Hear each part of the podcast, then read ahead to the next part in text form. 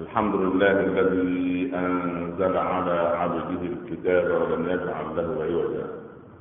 سبحانه له دعوة الحق حرص عليها وأوجب التبشير بها. ولتكن منكم أمة يدعون إلى الخير ويأمرون بالمعروف وينهون عن المنكر وأولئك هم المفلحون. وأشهد أن لا إله إلا الله وحده لا شريك له. وضع الحجة وأتم المحجة ويأبى الله إلا أن يتم نوره ولو كره الكافرون. وأشهد أن سيدنا وحبيبنا محمدا رسول الله. بلغ الرسالة وأدى الأمانة ونصح الأمة وكشف الغمة. وجاهد في الله حق جهاده حتى أتاه اليقين. صل اللهم عليه وعلى آله وأصحابه وأزواجه وأتباعه. الذين آمنوا ولم يلبسوا إيمانهم بظلم أولئك لهم الأمن وهم مهتدون أما بعد. أيها الإخوة المسلمون لا تطيب الدنيا إلا بذكره ولا تطيب الآخرة إلا بعفوه ولا تطيب الجنة إلا برؤيته فاللهم اجعلنا في الدنيا من الذاكرين واجعلنا في الآخرة ممن عفوت عنهم وقبلت توبتهم يا رب العالمين ومتعنا بالنظر إلى وجهك الكريم في مقعد صدق عند مليك مقتدر آمين يا رب. أيها الإخوة المسلمون الدنيا التي نعيش فيها هي دار ابتلاء ليست دار تكريم. ولا دار رفع درجات وإنما هي دار للامتحانات. ويمتحن الإنسان فيها على قدر إيمانه. ويمتحن الإنسان فيها إما رفعا لدرجاته أو تكفيرا لسيئاته أو لأنه إنسان غفل عن ذكر الله عز وجل. ولكن الذي يسير في الطريق ذاكرا. شاكرا لأنعم الله لا ينساها. عندئذ هذا عبد إذا جاءته البلية إنما هي لرفع درجاته عند الله سبحانه. ولكن العبد في الدنيا كما يقول أهل العلم لا يكن يعني تأخر أو استدراج يأتيك من ناحية أنك بعيد عن الله عز وجل إما بظلم أو بتعدي حدود أو باقتراف ذنوب أو أنك تنسى الاستغفار أو أنك لا تستغل الوقت في أن يوضع لك في ميزان حسناتك ولا يكون الوقت في ميزان سيئاتك. وتجد بعد هذا التقصير كله أن الله يعطيك فتستدرج من حيث لا تشعر. تستدرج من حيث لا تشعر. تقول لولا أن الله راض عني لما أعطاني. أعطاني وظيفة وأعطاني راتبا وأعطاني دخلا وأعطاني زوجة مطيعة وأعطاني أولاد برره ورغم ذلك أنت سادر في غيرك بعيد عن الطريق ظالم لغيرك. هذا هو الاستدراج سنستدرجهم من حيث لا يعلمون. وأملي لهم إن كيدي متين. يعني إن الإنسان المسلم لا يغتر بعفو الله ولا يغتر بحلم الله ولا يغتر أن الله سبحانه وتعالى يعطيه رغم أنه بعيد عن طريق الله سبحانه وتعالى. فالدنيا أيها الإخوة لا تطيب ابدا إلا بذكر الله. هناك ذكر مؤقت وهناك ذكر دائم. ذكر اللسان الذي نشغل دائما أنفسنا به هو ذكر مؤقت. أنت تذكر الله عند بداية الطعام عند نهايته عند ارتدائك ثوبك عند خروجك من بيتك. إذا ذكرت إذا دخلت المسجد إن خرجت منه إن عدت المريض إن شيعت الجنازة إن جاءك ما يسرك إن أتاك ما يحزنك إن نظرت في المرآة إن يعني صنعت أمرا ما نزلت عليك مصيبة نزل عليك خير. كل هذا يسمى بالذكر المؤقت. لأنه الذكر مرتبط بالحدث. تستيقظ من النوم الحمد لله الذي أحيانا بعد ما أماتنا وإليه النشور. أشهد أن لا إله إلا الله وأن محمدا عبده ورسوله. عندما تنام أمسينا وأمسى الملك لله رب العالمين. اللهم بك اصبحنا وبك أمسينا وبك نحيا وبك نموت. والى إلى إلى آخر ما تذكر إذا لبست ما يعني يواري عورتك.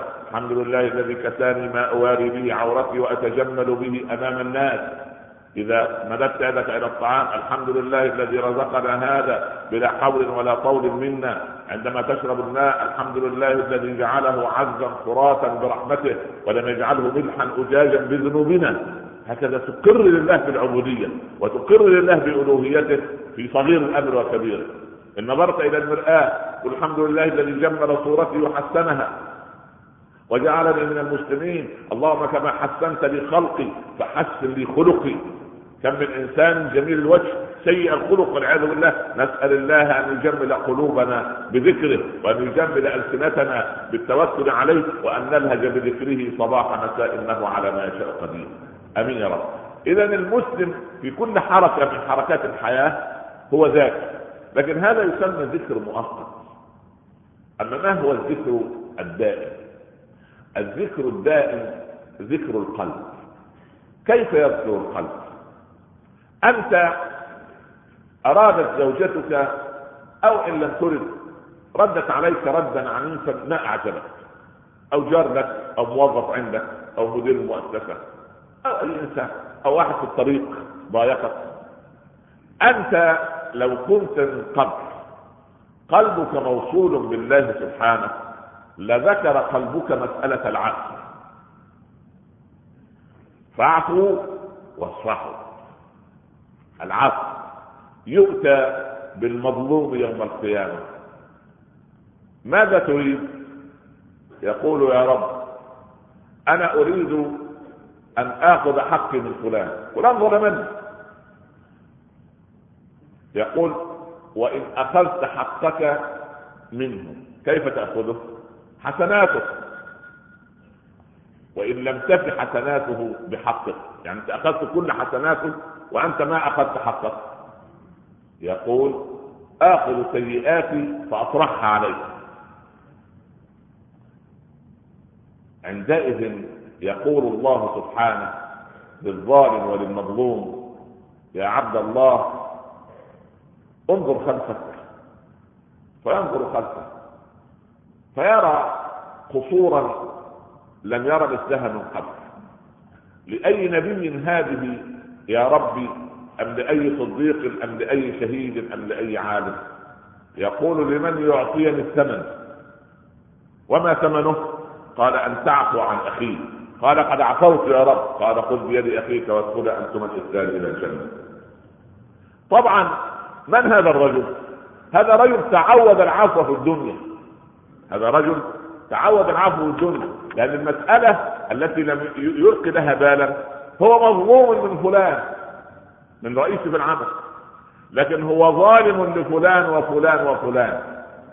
فيقول الله له أتريد أن نأخذ لك ونأخذ منك يعني نعمل مقاصة أنت ظلمت من فلان نأخذ من حسناتك. وأنت ظلمت فلان نأخذ من حسناتك أنت.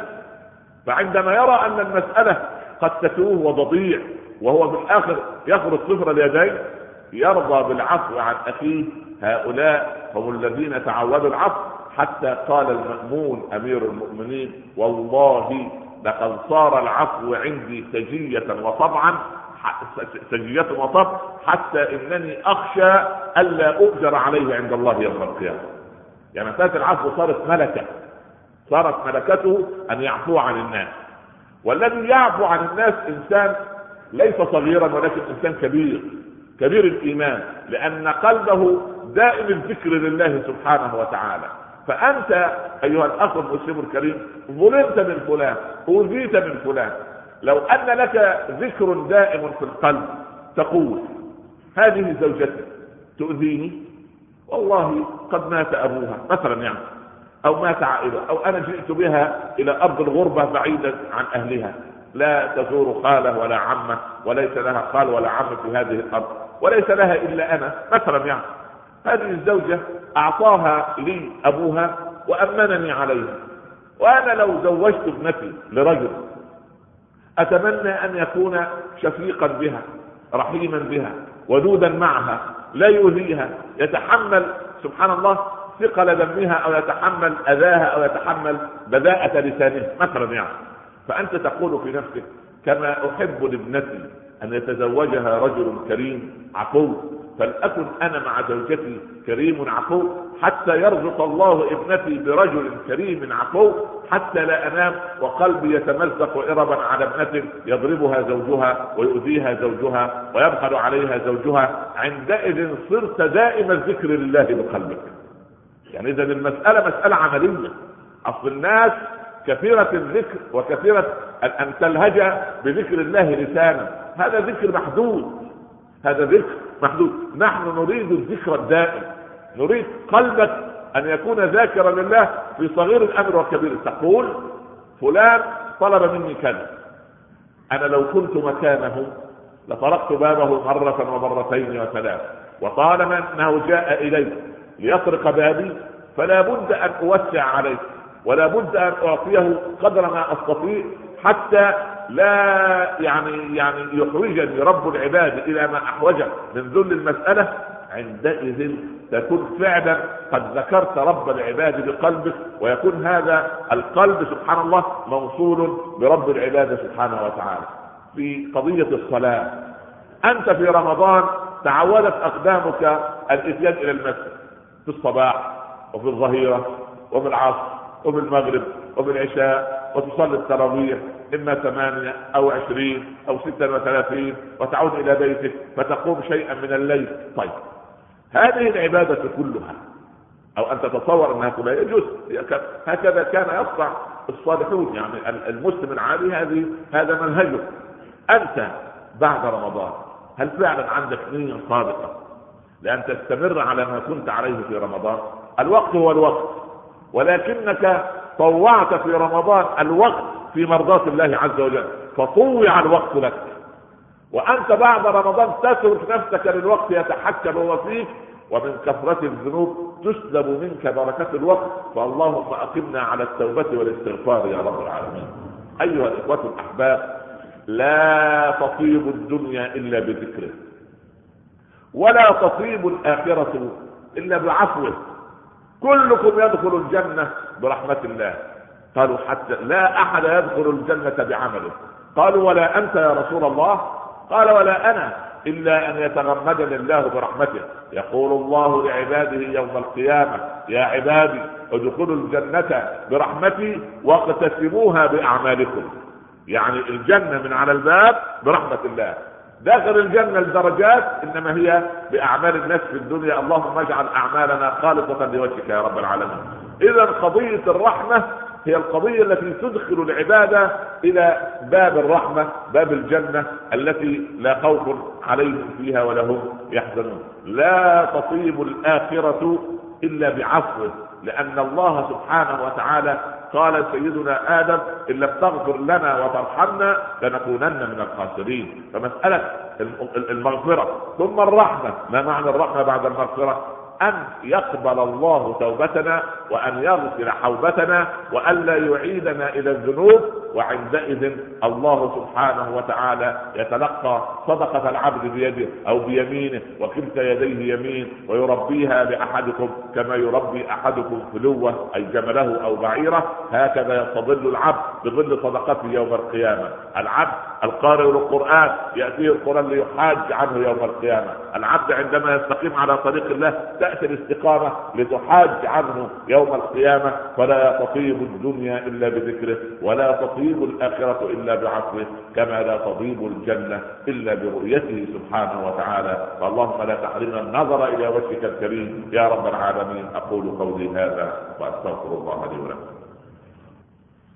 أحمد الله رب العالمين. وأصلي وأسلم على سيدنا رسول الله صلى الله عليه وسلم أما بعد.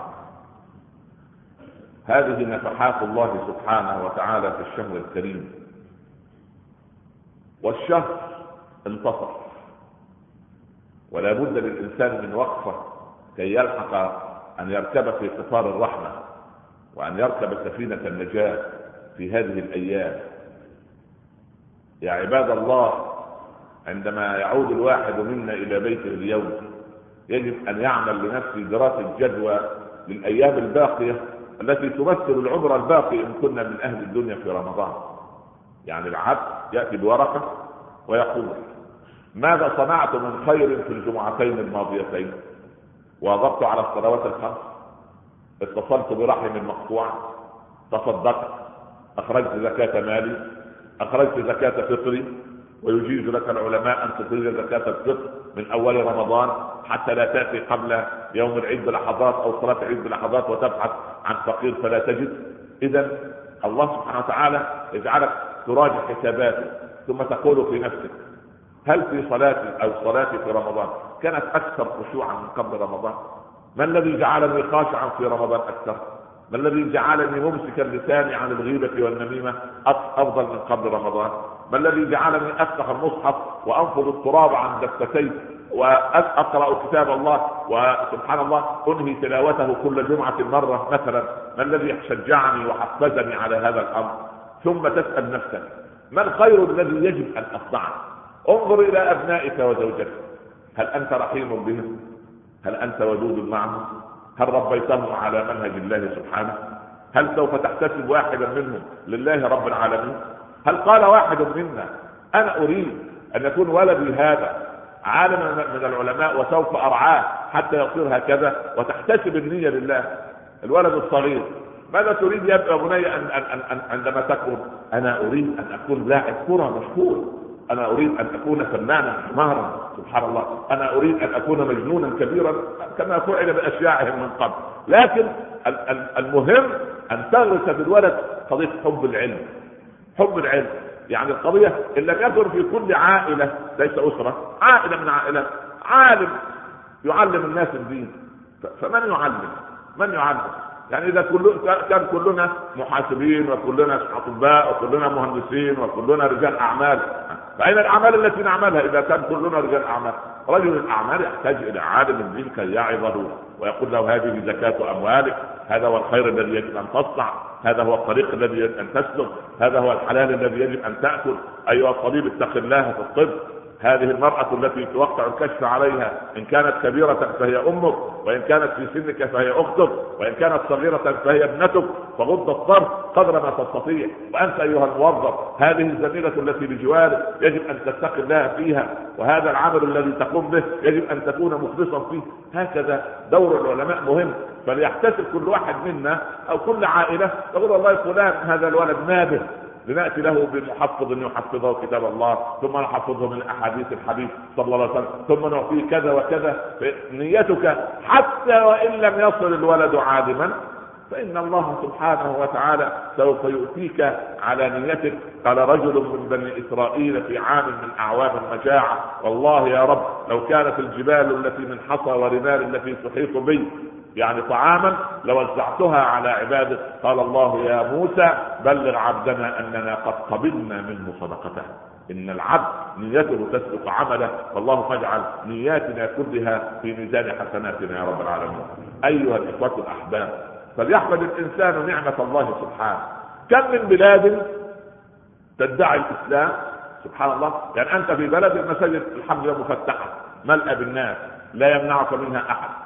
هناك مساجد في سبحان الله نسأل الله الهداية للجميع يدخل المصلي ببطاقة فلا يجوز له أن يصلي إلا في هذا المسجد لأن اسمه يؤخذ هكذا. سبحان الله نسأل الله السلام نسأل الله الهداية لمن يذكر مثل هذه القرارات. سبحان الله أما أنت في بلاد المساجد مفتحه الخيرات موجودة الإنسان سبحان الله فيها يشعر بأمن وأمان هذه نعم يجب أن نشكر الله سبحانه وتعالى عليها. فماذا قدمنا نحن لديننا هذا هو السؤال الذي سوف نجيب عليه بعد الصلاة إن شاء الله. اللهم اجعل جمعنا هذا جمعا مرحوما وتفرقنا من بعده تفرقا معصوما.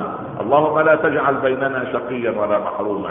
لا تدع لنا في هذا اليوم العظيم ذنبا إلا غفرته ولا مريضا إلا شفيته ولا عسيرا إلا يسرته ولا كربا إلا أذهبته ولا هما إلا فرجته ولا دينا إلا قضيته. قضيته ولا ضالا إلا هديته ولا ميتا إلا رحمته ولا حاجة من حوائج الدنيا لك فيها رضا ولنا فيها صلاح إلا قضيتها ويسرتها. يا رب العالمين اللهم ارزق بناتنا بالأزواج الصالحين وأبناءنا بالزوجات الصالحات واطرد عنهم شياطين الإنس والجن. اللهم من أراد بالمسلمين سوءا فردد اللهم سوءه إليه واجعل تدميره في تدبيره يا أكرم الأكرمين. اجعل هذا البلد آمنا مطمئنا وسائر بلاد المسلمين. اللهم أمن إخواننا في فلسطين واجعلهم على قلب رجل واحد يا رب العالمين واطرد عنهم شياطين الإنس والجن. اللهم أمن إخواننا في العراق واجعلهم على قلب رجل واحد واطرد عنهم شياطين الإنس والجن. أمنهم بعد خوف واكسهم بعد عرض واطعمهم بعد جوع واكرمنا جميعا ولا تهنا يا أرحم الراحمين. إن لم نكن أهلا لرحمتك فرحمتك أهل أن تصل إلينا. ارحمنا فإنك بنا راحم. لا تعذبنا فأنت علينا قادر. ارقب بنا يا مولانا فيما جرت به المقادير. واغفر لنا وارحمنا وأنت خير الغافرين. ارزقنا قبل الموت توبة وهداية. ولحظه الموت روحا وراحة. وبعد الموت إكراما ومغفرة ونعيما. اللهم أجرنا من النار. اللهم أجرنا من النار. اللهم أجرنا من النار. ومن كل قول أو عمل يقرب منها. اللهم اللهم ادخلنا الجنة دون سابقة عذاب. أظلنا بظل عرشك يوم لا ظل إلا ظله. متعنا بالنظر إلى وجهك الكريم. في مقعد صدق عند مليك مقتدر. اللهم فرح بنا قلب نبينا. اللهم فرح بنا قلب نبينا. اللهم فرح بنا قلب نبينا. اللهم شفعه فينا. اللهم شفعه فينا. اللهم شفعه فينا. استرنا فوق الأرض وتحت الأرض ويوم العرض يا أرحم الراحمين. واجعل اللهم خير أعمالنا خواتيمها وخير أيامنا يوم أن نلقاك وصلى الله على سيدنا محمد وآله وصحبه وسلم. يا رب تسليما كثيرا. بسم الله الرحمن الرحيم. والعصر. إن الإنسان لفي خسر إلا الذين آمنوا وعملوا الصالحات وتواصوا بالحق وتواصوا بالصبر. صدق الله وما صدقكم الله قيلا نقبل حديثنا بعد الصلاة إن شاء الله. أقم الصلاة وقوموا إلى صلاتكم يرحمكم الله.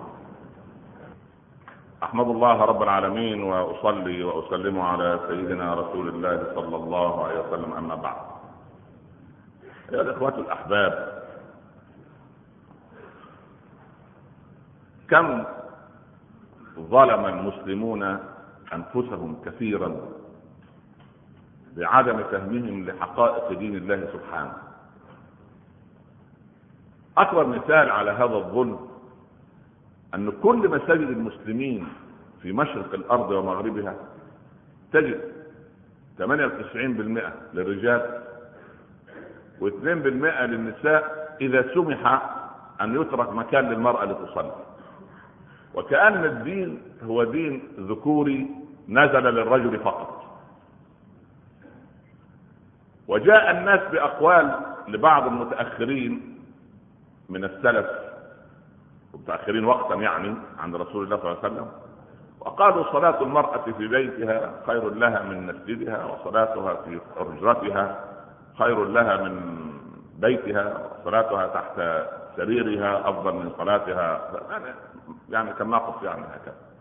مع أن النبي صلى الله عليه وسلم يقول لا تمنعوا إماء الله المساجد. وما خلت صلاة خلف رسول الله صلى الله عليه وسلم من امرأة تصلي خلفه. عمر الله يرضى عليه لما طعن كانت عاتكة بنت زيد زوجته تصلي. وسمعت الضوضاء في المسجد. وزوجات النبي صلى الله عليه وسلم كن يذهبن إلى صلاة الصبح وهكذا نساء الصحابة. وكان لأن المجتمع مجتمع نظيف كان في المسجد النبوي ليس هناك حاجز أو حائل لا ترابي ولا قوبي ولا حجري ولا قماش ولا غيره ما بين الرجال والنساء.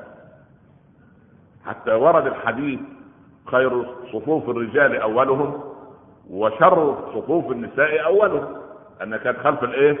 خلف الرجال. فلما كثر الرجال قال صلى الله عليه وسلم هل لا جعلتن لهن هذا الباب؟ على كل خطوة في هذا الجيل أن فتحوا يعني خندق صغير يعني أو صغير أو يعني متر في مترين لأخواتنا في المساجد هذا خير كبير. والعجيب أن بعض أخواتنا عندما يذهبن إلى المسجد لصلاة جمعة أو صلاة تراويح أو حضور مجلس علم كان الناس من عشرين سنة يتعجبوا. يقول لك أم فلان دي ربنا يشفيها خير مالها مريضة. لا تروح تصلي في المسجد. تضحك الناس. الحمد لله أصبح الآن بفضل الله انتشر الخير. فهذا هذه نقطة. نحن طب اجدادنا اخطاوا إحنا أخطأنا في إيه؟ نحن نخطئ عندما لا نأتي بأولادنا في المسجد. الولد طالما ست سنوات وسبع سنوات ويعرف احترام المسجد ويستطيع أن يتحمل الربع أو نصف ساعة لا يجب أن يأتي. وقلت لكم من قبل إذا كنا إحنا ألف يجب أن يكون في المسجد أربعة آلاف لأن كل واحد عنده ثلاثة أولاد. الأولاد والبنات كل يجي في إيه؟ الله. هذا هو المحضن الاساسي الذي يجب أن نتربى فيه. إن المسجد هو الذي تشم فيه رائحة الخير وتشم فيه رائحة الحسنات وتشم فيه عبير رحمة الله سبحانه وتعالى. وقال الله عز وجل قال العلماء لو عذب الله أهل الأرض جميعا ما نجا إلا أهل المساجد. اللهم اجعلنا منهم يا رب. إنما يعمر مساجد الله. من؟ من آمن بالله واليوم الآخر. اللهم اجعلنا منهم. يبقى اذا المسلم هكذا إذا أراد أن يصلح فليصلح من نفسه. لكن يرجع البيت. ها يا أبو فلان ماذا قال الشيخ؟ والله بصراحة قال كلام. عذبان هقول لك إيه ولا إيه؟ الله يعينك ويغفر لك. خير. يمكن الشيخ كان بيتكلم عن غزوة الخندق مثلا يعني. لكن لا هو غير غزوة الخندق. لا قال من رفعت يدها على زوجها هكذا معترضة. شلت يمينها.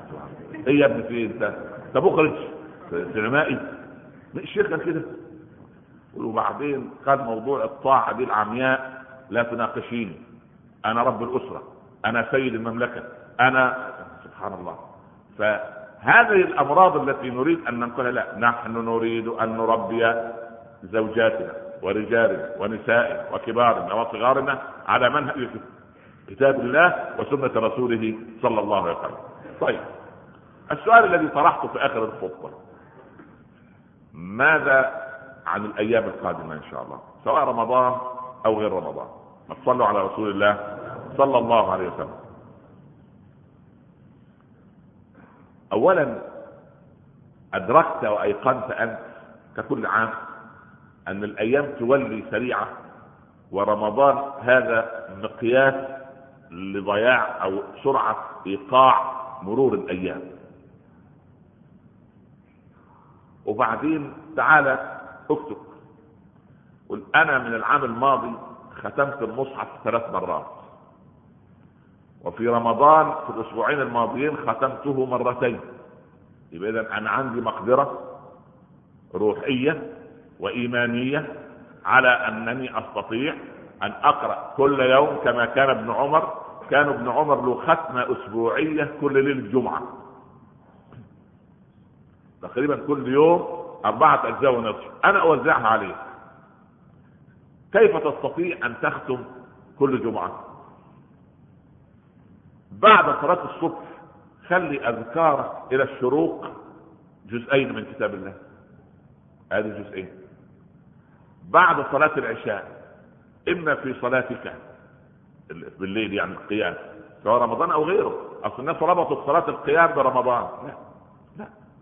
صلاة القيام هذه موجودة طول الليل. ولذلك العبد كما قال الحسن البصري كان أسمر كان أسمر قريب إلى السواد. فقالوا يا بصري عهدناك آدم البشرة. أنت أسمر خلاص أسود ما هذا البهاء النور الذي عليك؟ وجهه سبحان الله عليه بهاء ونور سبحان الله. قال نحن قوم خلونا بالله في ظلمات الليل فكسانا من جماله وجلاله.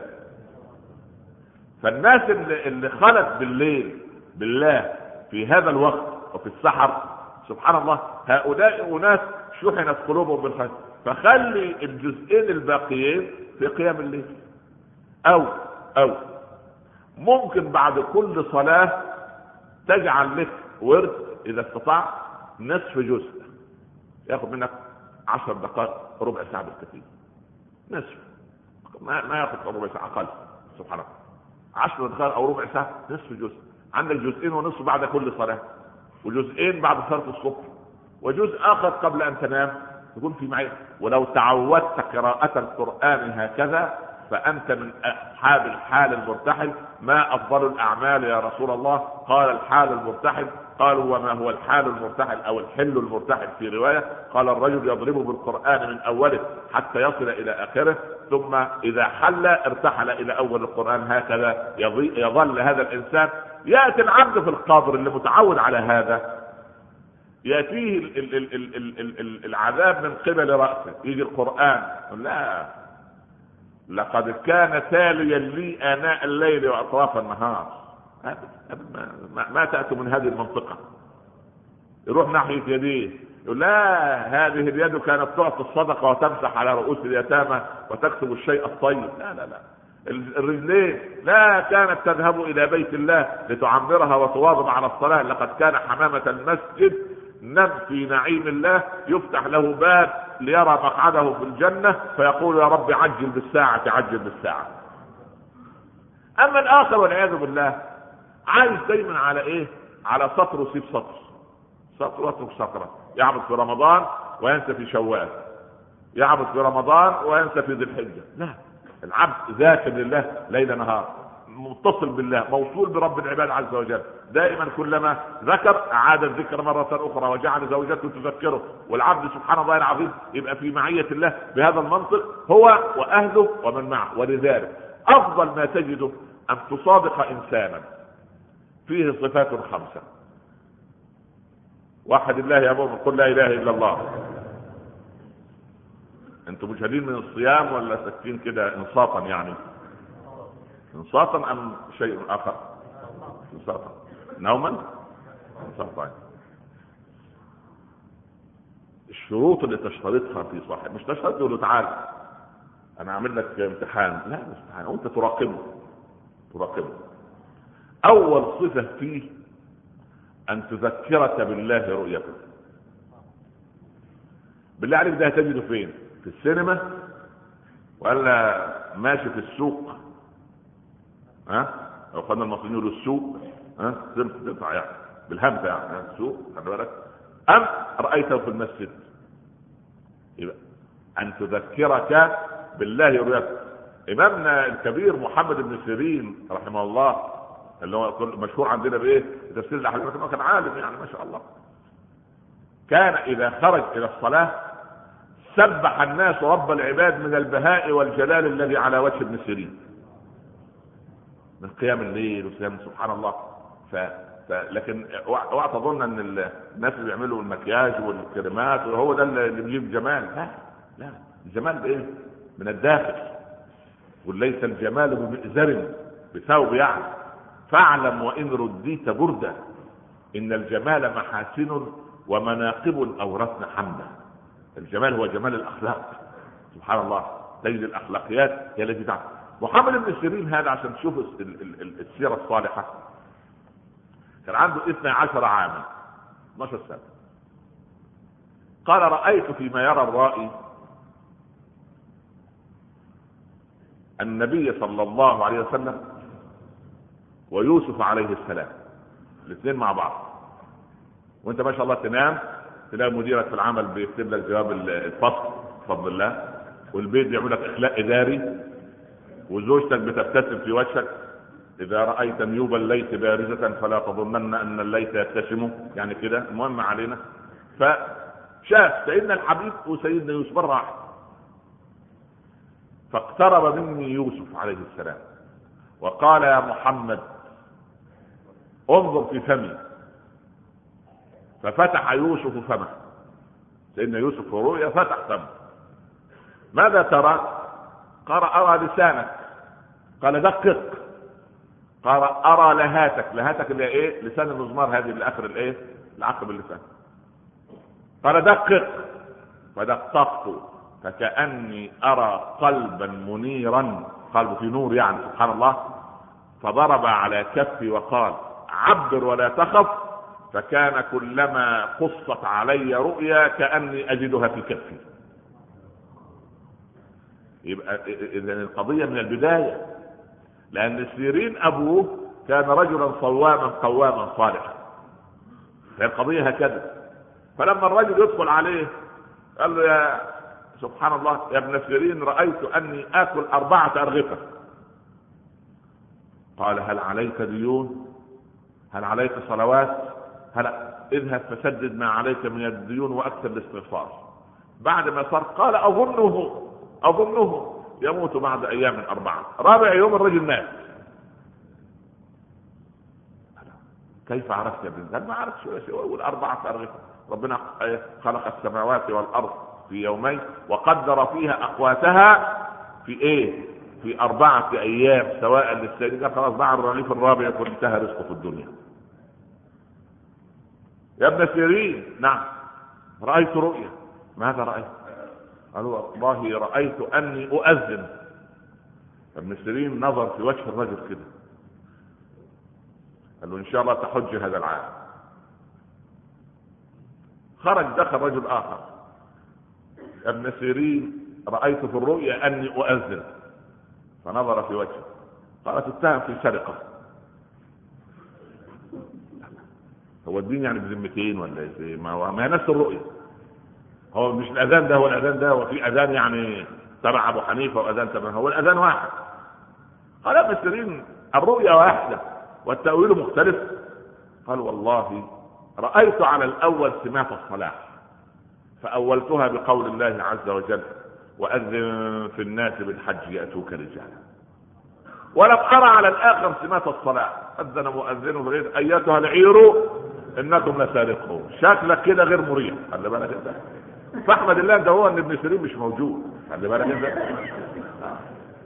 والعجيب يا أخي أن في ربنا يهدي الفضائيات فيها يعني حسنات وفيها يعني حسنات. إحنا في رمضان. يطلع واحد يقول له أنا شفت يا سيدنا الشيخ لابد أن أعرف من الرائي رجل أو امرأة.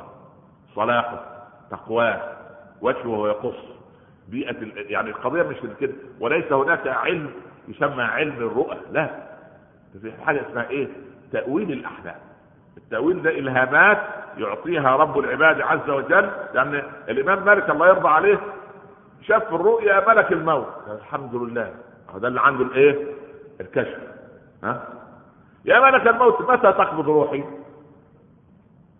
فملك الموت يشير إلى الإمام مالك بأصابعه الخمسة. خمسة اصابع استيقظ مالك من الرؤيا هو يقصد إيه؟ خمس فرائض من الصلاة بعد خمسة أيام بعد خمس جمع خمسة شهور خمس سنين. إيه خمس؟ فذهب لابن سيرين يا ابن سيرين رايت في الرؤيا ملك الموت. يقول بعد أن أسأل متى أموت؟ قال لي بعد. قال يريد أن يقول لك يا إمام دار الهجرة ملك الموت إن خمسا لا يعلمهن إلا الله. إن الله ها عنده علم الساعة ويعلم الغيب ها. ما ما ما سبحان الله وما تدري نفس ماذا تكسب غدا وما تدري نفس بأي أرض تموت. هذه خمس لا يعلمهن إلا الله. الساعة الغيب سبحان الله العظيم ما تكسب غد سبحان الله هذه المطر متى ينزل هذه الأمور الخمسة لا يعلمها إلا رب ولا ملك الموت نفسه سبحان الله. ولا ملك الموت نفسه سبحان الله. اذا المسلم سبحان الله عندما يختار أن تختار إنسانا تذكرك بالله رؤيته. لك سيدنا علي يمسك الحسن ابنه يقول له يا حسن يا بني زاحم العلماء بالمناكب فإن رحمة الله لا تفارقهم لحظة. ولا تصاحب الجبان ولا البخيل. لماذا يا أبتي؟ قال يبيعك بلقمة. قال البخيل لما يلاقي فيك درهم زيادة عند واحد غيرك يبيعك وياخذ الدرهم. سبحان الله. فبهذا المنطق قالوا للبخيل ما الفرج عند الشدة عندك؟ إيه الفرج بعد الشدة؟ قال أن أقول للضيف تعال لتأكل يقول أنا صائم. هذا هو الفرج بعد الشدة. مش بعد الشدة غفران الذنوب تفريج الكروبات. لا مجرد أصح قال وما أصعب شيء عندك؟ قال أسوأ صوت عندك إيه؟ إيه الصوت الصعب؟ قال مضغ أضراس الضيوف خبزي في بيتي. ده صوت يؤلمني ويعمل لي ألم شديد نسأل الله أن نكون من أهل الكرم. سبحان الله. المهم أن تذكرك بالله رؤيتك. وبعدين بل أن يدلك على الله حاله. ما هو الكلام كثير. أتكلم وأتكلم. ما شاء الله إحنا علينا. نحن العرب تحولنا إلى مكلمة. كل واحد فينا مشروع مكلمة. يتكلم فقط. سبحان الله. وقال العلماء يجب أن تسمع على الأقل أربعة أضعاف ما تتكلم. وعملوا قياس عالمي. وجدوا أن الرجل الغربي يسمع من أربعة إلى سبعة أضعاف ما يتكلم. والعربي يتكلم تسعة أضعاف ما يسمع. هو ليس عنده وقت الاستماع. يقول له شوف يا فلان تعال. أنا يا أخويا عندي مشكلة. لا عندنا مشكلة تعال أحكي لك أنا الأول. لا إله إلا لسه الراجل ما حكى لسه ما قص سبحان الله. عندنا لازم أنا الأول أنا الأول سبحان الله. فنسأل الله السلام. سبحان الله العظيم. فالكارثة أن في ناس تتكلم ولا تعمل. لكن ان أن يدل ان ان أن يعني تذكر الله عند رؤيته أن يدلك على الله حاله. وبعدين الأمر الثالث أن يزيد في علمك منطقه. لما تجلس معاه ينقل لك خير لك والله المعلومة دي كذا والقصة دي كذا. فسبحان الله. لينا أخ كريم له أب من البدو كبير السن عنده 90 سنة.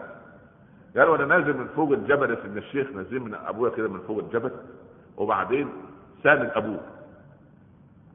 فأبوه وجد صخرة كبيرة وقال يا ابني نستريح قليلا هنا. فوضع الأب رجله على الصخرة الصخرة إيه؟ بدأت تنزاح حتى تحتها إيه؟ رمال فبدأت تتحرك. فالأخ الكريم خاف على أبوه رجعه تعالى يا أبويا نمشي قال له لا انتظر. قال له خير يا أبويا انظر إلى كبار السن وحكمهم.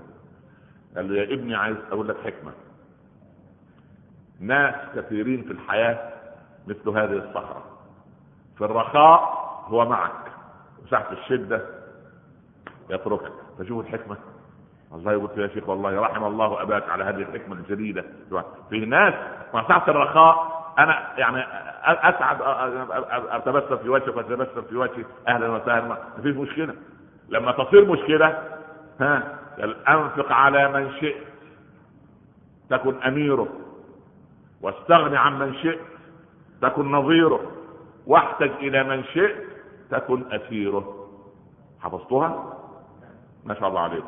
إيه, إيه ما شاء الله إحنا ما شاء الله لا قوة إلا بالله. شوف الصيام يعمل ذكاء إزاي؟ بس ما فيش امتحان ما تخافوش إحنا الله ستار خليل كأننا حفظناها. أنفق على من شئت تكن أميره استغنى عن من شئت تكن نظيره واحتج إلى من شئت تكن أسيره. اذا عليك بمن إذا رأيته ذكرتك بالله رؤيته دلك على الله حاله زاد في علمك منطقه. الشرطين الباقيين إيه؟ قال إن رآك غافلا ذكرك. لما يجدك لا تأتي إلى المسجد خير يا فلان إيه القضية؟ لما يجدك ظالم لزوجتك يقف بجوار الحق يا أخي اتق الله. يا أخي هذه إنسانة مؤمنة ما شاء الله مربية للأولاد مطيعة لك يا أخي اتق الله خليها تكلمها بأدب؟ بهذا المنطق سبحان الله. فالإنسان يكون إيه؟ يكون يكون بهذا المنطق سبحان الله العظيم. وأن إن رآك غافلا ذكرك قال وإن رآك ذاكرا أعانك أعانك. يعني رايك رايح المسجد الله ما شاء الله عليه الله يبارك فيك. لا تنسانا من صالح الدعاء. سيدنا عمر راح يحج فيستأذن النبي صلى الله عليه وسلم. إني نويت الحج يا رسول الله. قال لا تنسني من صالح دعائك يا أخي. فبكى عمر. الرسول يقول لمن؟ لعمر. لا تنسنا من صالح دعائك. مش مش يقول الله. عمر يدعو للرسول يا أخي هكذا يعلمنا رسول الله صلى الله عليه وسلم التواضع ويعلمنا صدق الأخوة ويعلمنا حق الأخ على أخيه. أنت عارف أنك لو مشيت مع إنسان مدة مشوار يعني كده رايح يستغرق نصف ساعة. يسألك يوم القيامة عن عن حقوق الصحبة. الصحبة لها حقوق. الرسول لما كان يمشي مع صاحب صحابي رضي, رضي الله عنه وصلى الله عليه وسلم على سيدنا محمد فكانت تفرقهم شجرة شجرة. فيلتقوا مرة أخرى. فالرسول يقول السلام عليك ورحمة الله. عشان يأخذ ثواب سيدنا الحبيب صلى الله عليه وسلم. يحتاج إلى هذا لا إله إلا الله. فإذا المسألة أن أنت في حساباتك ابحث عن أخ صالح في هذه الصفات الخمس. إيه كمان في الحسابات؟ عليك ديون. ديون للخالق وديون للمخلوق وإحنا هنعمل حصيلة رمضان اهي قبل ان أن يولد عليك ديون للخالق وديون للمخلوق في أيام أنت ما صليتها. أنت ما بدأت الصلاة إلا في سن العشرين خمسة وعشرين ثلاثين أربعين. أو كنت تصلي وصلاتك غير منضبطة. بالقواعد. أو كنت لا تعرف الوضوء. فيه ناس يعني مثلا إذا الإمام مالك رضي الله عنه يرى أن من شروط الوضوء شروط صحة الوضوء وهذه يعني من ربما أميل إلى أبي حنيفة لكن الإمام مالك في آراء لا قوة الا بالله أنا أحب كل الفقهاء. الإمام مالك يقول من شروط صحة الصلاة غسل العضو اللاحق قبل جفاف العضو السابق. يعني أنت بمفردك في البيت لا فينا أولاد ولا زوجة. توضأت وغسلت وجهك. الباب يطرق بعنف يطرق. تقول الله يمكن الولد جاي من المدرسة أمه مش موجودة. تروح تفتح الباب وتكلم الولد. أنت وصلت؟ خدت فيه ونسيت الوضوء ورجعت يروح يعمل إزاي؟ يروح غاسل ذراعه الأيمن وذراعه الأيسر. الله. يا عم. الوجه قد جف هذا وضوء باطل عند مالك. شروط مالك في الوضوء إيه؟ الموالاه. الموالاه يعني الموضوع على إيه؟ على بعض يعني مش مقطع. فهذا شرط. الإمام مالك مثلا أيضا عنده قضية اللمعة في الايه في, في, في الوضوء. يعني إيه اللمعة؟ يعني أنا توضات وبعدين عنا لي كده ان أنا أجيب المقص بتاع الأظافر وأقص أظافري. وأنا أقص أظافري شلت ها؟ نزعت جلده أخذت بالمقص. وارد ولا مش وارد؟ وارد. قال الإمام مالك أن اليد من هنا إلى هنا يعني من بداية أطراف الأصابع إلى المرفقين هذا ركن. فأصبح الجلده المنزوعه هذه تحتها ها مكان لم يصبه الإيه؟ الوضوء. وهكذا قال الشافعية لو أن مغرز إبرة في مكان وجب فيه الوضوء لم يأتي عليه الماء فقد بطل الوضوء. لكن النبي صلى الله عليه وسلم الغسل لأول مرة ده فرض والغسل المرة الثانية والثالثة إيه؟ سنة. ليه الحبيب كان حريص علينا؟ عارف إن ممكن الواحد في أول مرة إيه؟ يكون بسرعة فبالتالي إيه؟ يعني لا يكون هذه قواعد أساسية في أقل القليل الذي نحن إيه؟ نستهين به. سبحان الله. ولذلك لما مر على القبرين قال كان يعذبان وما يعذبان في كبير كان أحدهما يمشي بالنميمه بالناس وكان لا يستبرئ من بوله. يعني بمعنى إيه؟ يعني أولادك علمهم الولد لما يكمل سبع وثمان سنين تعالى يا ابني أنت بتعمل إيه في الحمام؟ أنت خده بعيد عن أم الولد يحرج. صاحب الولد خليه جنبك. ضع فيه قوانين الرجوله خده معاك لمجلس الرجال عشان يعرف كيف يتكلم الرجال. اوعى تظن ان ميكي ماوس هيربيه. لا. لا. البلاي ستيشن مش هيربيه لا, لا. الذي يربيه نصاحتك انت وحرصك انت عليه. لازم تربيه على هذا. فبالتالي قول تعالى يا ابني انت بتعمل إيه في بعد ما تنتهي من التبول؟ علمه الا تكون هناك نقاط من بول فتقع في الثياب. في ناس أنا عارف طبعا بعد الصلاة اللي يحصل ليا لكن المهم يعني بعد الوضوء بعد الاستنجاء أحيانا بعض الإخوة شفى الله كل المرضى ومرضى المسلمين يشعر أن في نقطة بول قد نزلت. وده كلام مهم في الفقه. وما كناش نتعلم الفقه. طب كيف نصلي؟ إحنا بنتكلم عن مبادئ. ما تكلمنا عن القلوب وما في القلوب. إحنا بنتكلم عن مبادئ صحة الصلاة. فالإنسان بعد ما يتوضا يشعر أن في نقطة بول قد نزلت. طيب هذه النقطة لما نزلت في الثوب صار الثوب نجسا. ومن شروط صحة الصلاة طهارة البدن طهارة الثوب طهارة المكان. صح ولا لا؟ طيب نعمل إيه؟ العلماء رضي الله عنهم علمونا شيء عجيب. قالوا ولا حياء في العلم. أن الإنسان لما ينتهي من الصلاة يستطيع أن يعني ينزل أي نقطة موجودة سبحان الله عنده بأن يضع سبابته هكذا ثم يعني ثلاث مرات بهذا المنطق ولكن ليس لا يصيب الايه بألم ولا غيره ولكن بهذا المنطق طيب. ظلت هناك نقطة مثلا قال العلماء لو أنت وقفت هكذا على ريدك اليمنى وأقمت ريدك اليسرى زاوية قائمة وحركتها إلى اليسار هكذا تنزل النقطة الباقية. لكن في ناس عندها الوسوسة يظل في دورة المياه ساعة. لكن حتى مش خارج سبحان الله.